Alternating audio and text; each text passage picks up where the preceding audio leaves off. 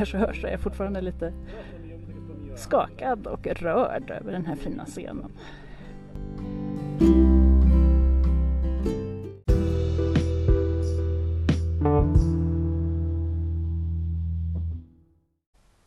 Det här är Lotta på luffen och jag heter Lotta Holmström.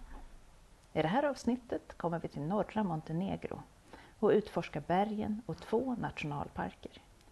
Vi ger oss ut på slingrande vägar och ger dig som planerar att åka till Montenegro en mängd praktiska tips. Vi fick också vara med om en väldigt speciell händelse vid den spegelblanka sjön i Biogradska Gora. Återkommer till det. Herzlich willkommen in Podgorica. Bitte bleiben Sie noch angeschnallt sitzen, bis die Anschnallzeichen erloschen sind und verwenden Sie Laptops und schwere elektronische Geräte auch weiterhin nicht.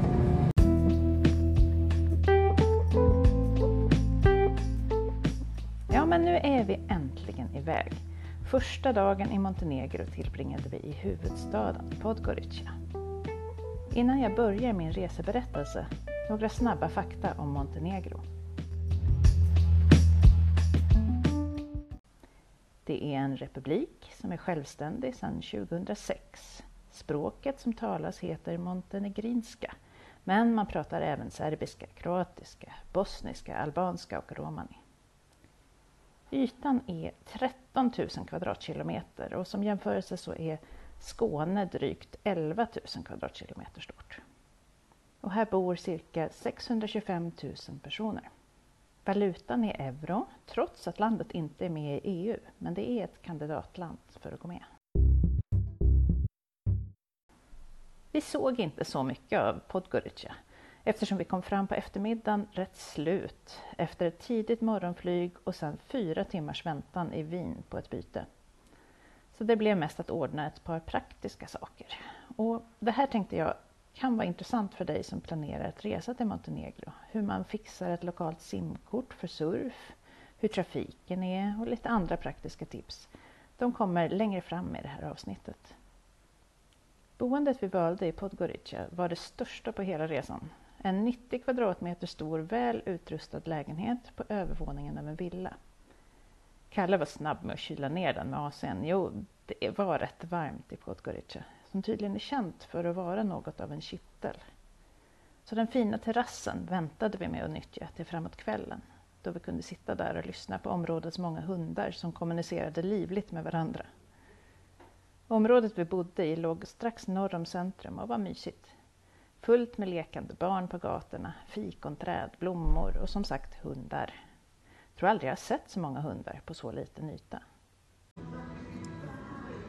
Ja, vi har precis ätit vår första middag här i Montenegro och en sak kan man ju konstatera, det sparas inte på storleken på portionerna. Eh, jag tog någon slags eh, fylld kyckling med svampstuvning visar det sig, som låg ovanpå brödbitar och ja, det hade nog räckt till två personer, min måltid. Och Kalles eh, var motsvarande storlek, enorm, fyllda fläsk kotletter, fläskfilé, vad var det? Filé. Filé. Mm. Eh, men väldigt gott. I alla fall, på en lokal restaurang. Vi bor på ett ställe norr om Podgorica.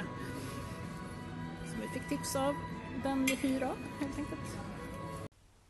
Ja, vi bad värden om tips på restaurang och hamnade på en lokal krog på gångavstånd som serverade enorma portioner grillad kyckling och fläskfilé.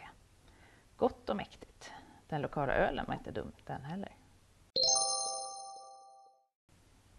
I införavsnittet som presenterade den här podden, då bad jag er som lyssnar att spela in kommentarer, tips och feedback. I tron att det skulle vara enkelt, att man kommer åt funktionen hur man än lyssnar på podden. Men så är det inte riktigt tyvärr. Du behöver gå in på poddens sida på Spotify for Podcasters för att använda funktionen Skicka ett ljudmeddelande. Och för att kunna göra det så behöver du registrera dig med namn och mejladress. Då får du också ett mejl ifall jag publicerar ditt ljudmeddelande i podden. Så lite krångligare än jag hade hoppats alltså. Det vore ändå jättekul om ni bemödade er att göra det så podden kan bli lite mer interaktiv. Vill du inte registrera dig där så kan du även spela in ett meddelande med ljudinspelaren i din telefon och skicka den i ett mejl till lotta.skriva.net. Några tips har jag också fått från vänner och bekanta på Facebook. Tack för det! Särskilt Sandra som gav flera goda råd. Bland annat om hur vi ska tänka när vi avgör om vi ska ta den mindre vägen över bergen eller inte. Något vi tvekat inför. Det är farbart, men är man osäker kan vägarna kännas läskiga, så känn efter själva, skriver hon. I nästa avsnitt får du höra hur vi gjorde.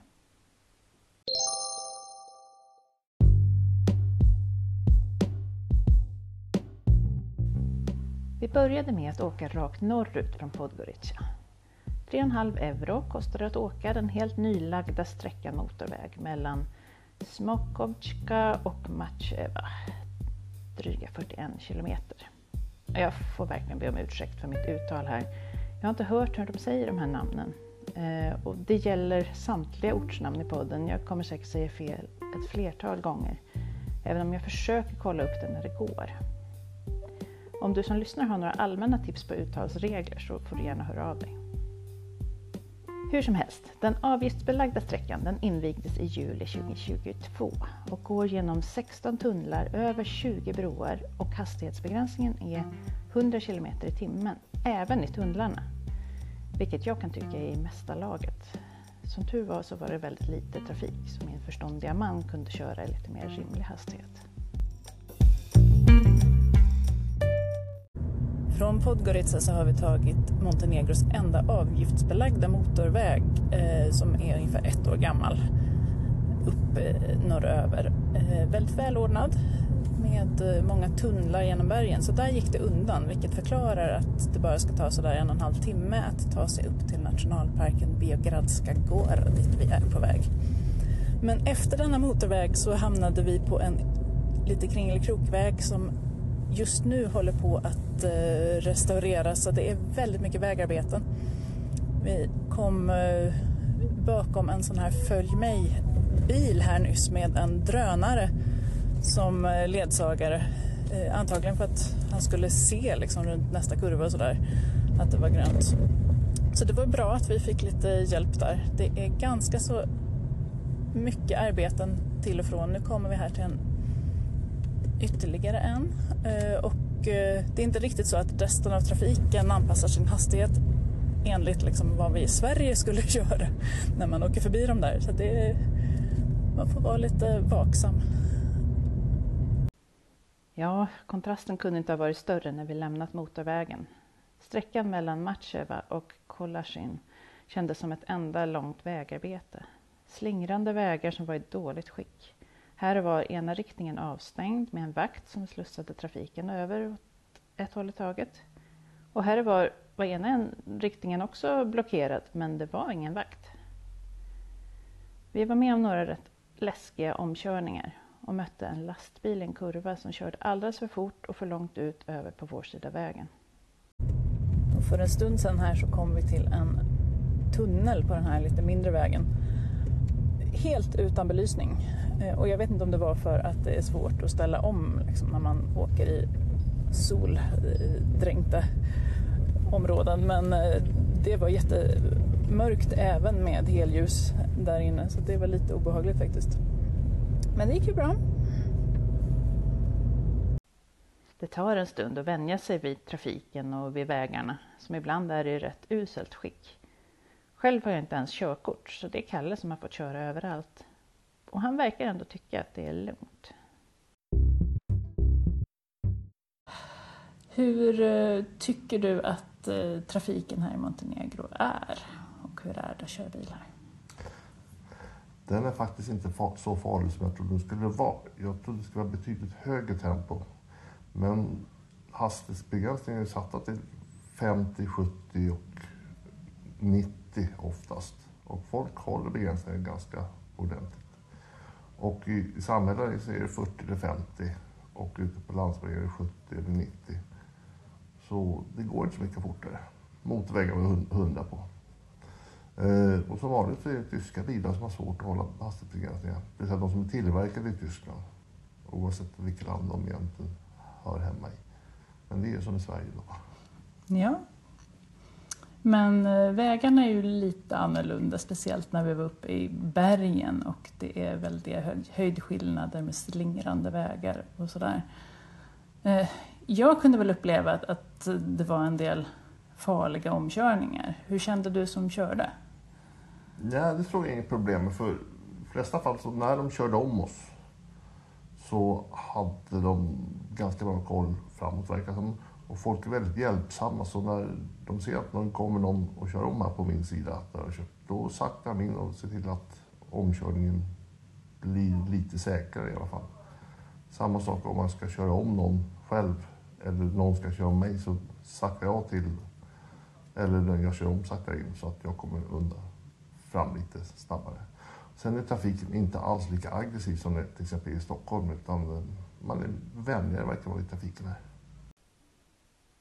Det blir lite mer snack med Kalle om att köra bil i Montenegro när vi kommer till de samlade praktiska tipsen mot slutet av avsnittet. För nu måste vi ju komma vidare norrut. Under vår resa i norra Montenegro besökte vi två nationalparker. Bra att veta är att man betalar inträde för att åka in i nationalparkerna, så ha kontanter redo. So, so we pay entry here? Yes, hi. Uh, uh, ticket uh, here, one person, 4 euro. Oh, okay, and we have a car? Uh, by car to the lake, yes, possible by car. Yeah, okay. person, no. Oh, we pay per person. Okay, so we are two adults and then one junior. Okay, How many old need? Uh, How many? uh, he's 14. 14? Yes. No. So that's it. Yeah. Okay. Thank you. Thank you. Framförallt är det sjön i Biogradska Gora som de flesta turister besöker. Biogradsjön eller Biogradsko jezero, något sånt. Man kan ta bilen hela vägen dit och vi lyckades precis hitta en pickaplats bland träd och stenar. Sen var det bara att gå ner till vattnet alldeles intill. Det var väldigt vad det var spegelblankt. Titta vad fint. Är det grodyngel tror jag? Titta vad det är överallt. Oj! grodyngel. Svarta, Och lite fiskar också. Ja.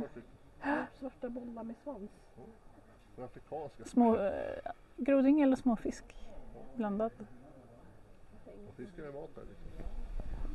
Ja, de där små fiskarna äter väl inte de här gissar jag. Därför grodyngeln är lugna.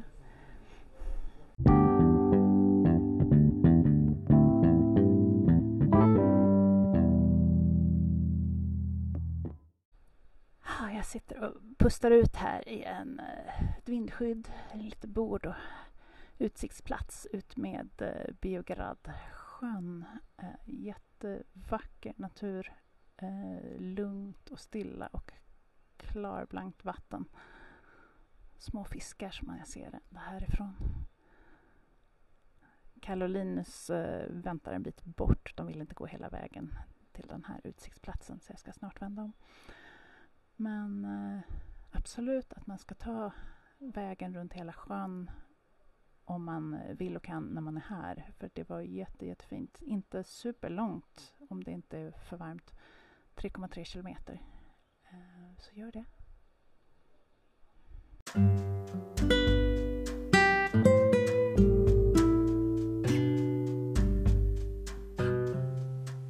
En sak som slog mig i Biogradska Gora och även senare i andra delar av norra Montenegro var hur lik växtligheten är den svenska. Bokträd, ekar, tall och gran. Prästkrage, klöver, kärrtant, bellis, smörblommor, hundkex. Men allt är väldigt mycket lummigare och frodigare än hemma. På sina ställen täcks bergssidorna av en tät barrskog och på andra håll tittar berget fram och går i toner av brunt och grått. Montenegro betyder ju Svarta berget. Jag antar att det är kombinationen av grå bergart och mörka skogar som det syftar på. Även fågellivet liknar det där hemma med några tillskott. Och ödlor och ormar, det ser man mer av här. Och i norra Montenegro var det väldigt gott om spindlar. När vi kom ner till Biogradsjön gjorde vi som alla turister. Gick ut på bryggan för att föreviga ögonblicket. Ja, du hittar bilderna på lottaholmstrom.se. Men du kan inte ana vad som hände sen, som det brukar heta i clickbait-puffarna.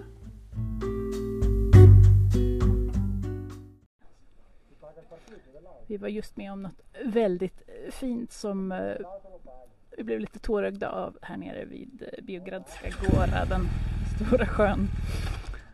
Vi skulle gå ner och ta bilder och då var det ett par som bad oss att ta en bild på dem, eller bad Kalle rättare sagt.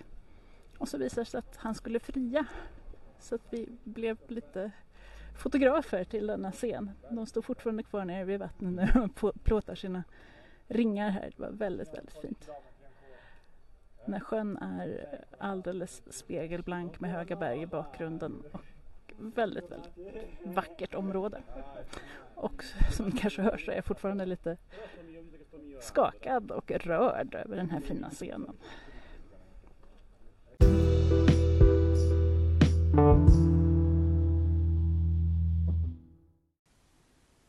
Nära Biogradska Gora hittade jag ett lantligt boende i en Ethno Village. En familj som hyr ut boende i hus som såg mer ut att höra hemma i Alperna.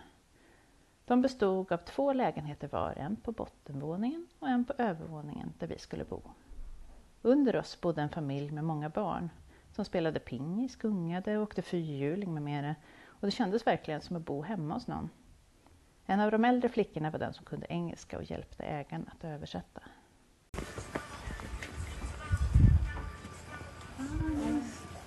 It. If you need anything, you just ask me and he'll come later to you when he's finished. Sure. Okay. Do you have any questions? Det är en underdrift att säga att inredningen var unik. På varje ledig hylla, väggbit och även i taket satt prylar, bruksföremål, drivved som tagits om hand och behandlats, ett par bössor med ammunition, handvävda mattor, fotografier av äldre släktingar, en massa soldatutrustning, koskällor, en symaskin, en björnfäll, jordbruksredskap, hyvlar, tvingar, skomakarverktyg. Ja, det går inte att räkna upp allt. Jag postar ett par bilder på lottaholmström.se. Det blev en fin kväll i idylliska omgivningar. Runt om reste sig branta berg och i trädgården fanns så mycket att upptäcka.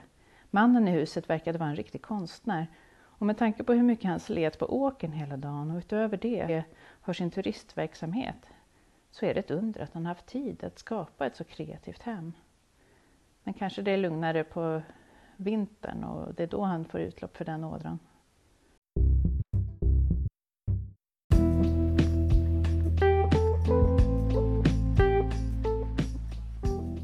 Har vi kommit till avdelningen för praktiska tips. Här kommer en del matnyttigt för dig som planerar en resa till Montenegro. Montenegro är inte en del av EU, så därför kan du inte använda mobildata eller för den delen samtal och sms till samma pris som hemma.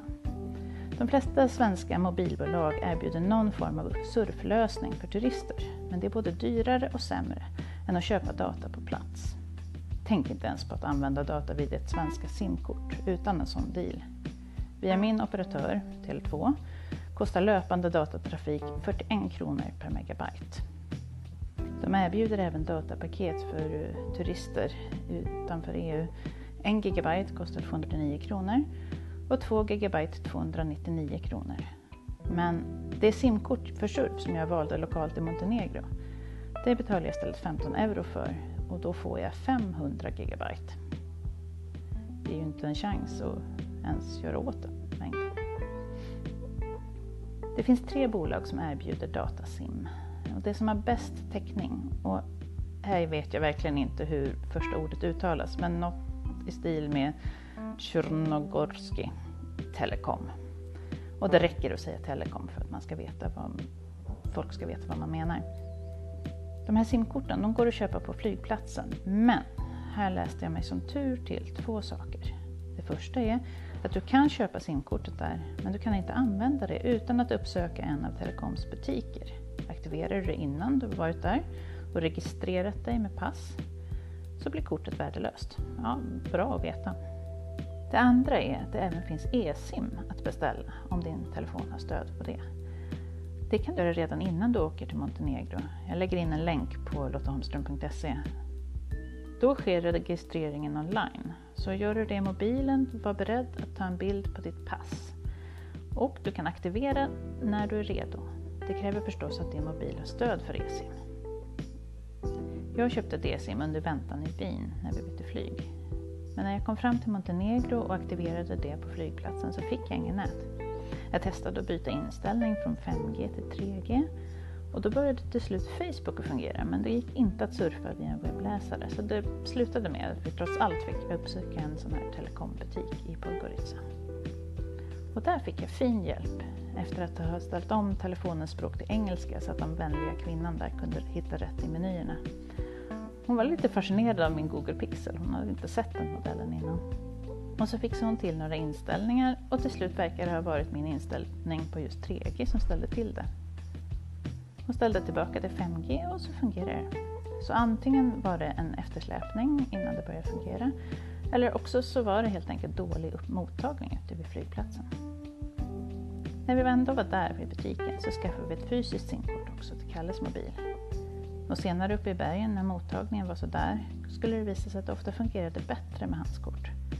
Så har du inga problem med att ta dig till en telekombutik så är ett fysiskt simkort kanske bästa alternativet ändå. Surfen är billig här. För 10 euro får du alltså 500 GB surf som gäller 7 dagar. Och ska du vara längre så kan du få 15 dagar för 15 euro, också 500 GB. Och det är ju absolut värt det.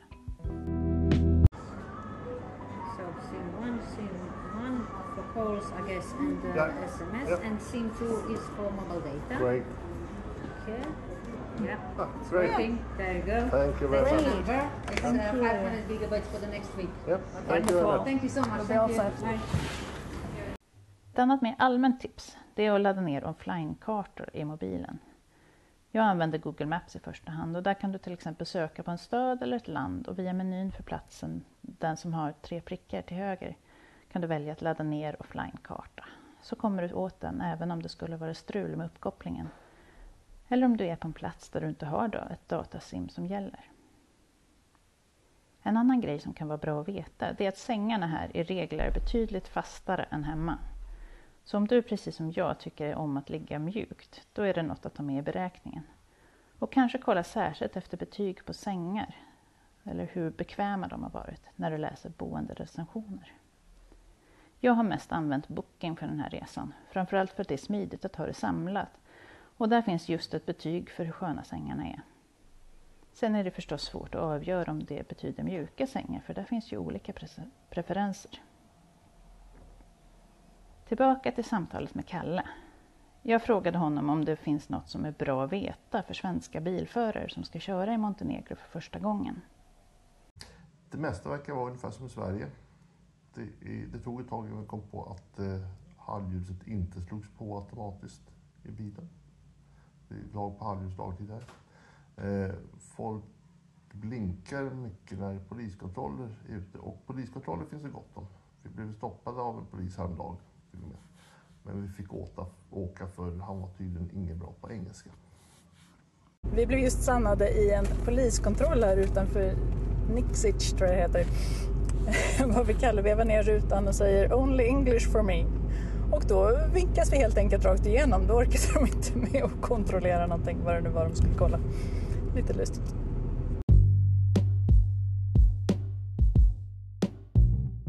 Resan i norra Montenegro fortsätter i nästa avsnitt.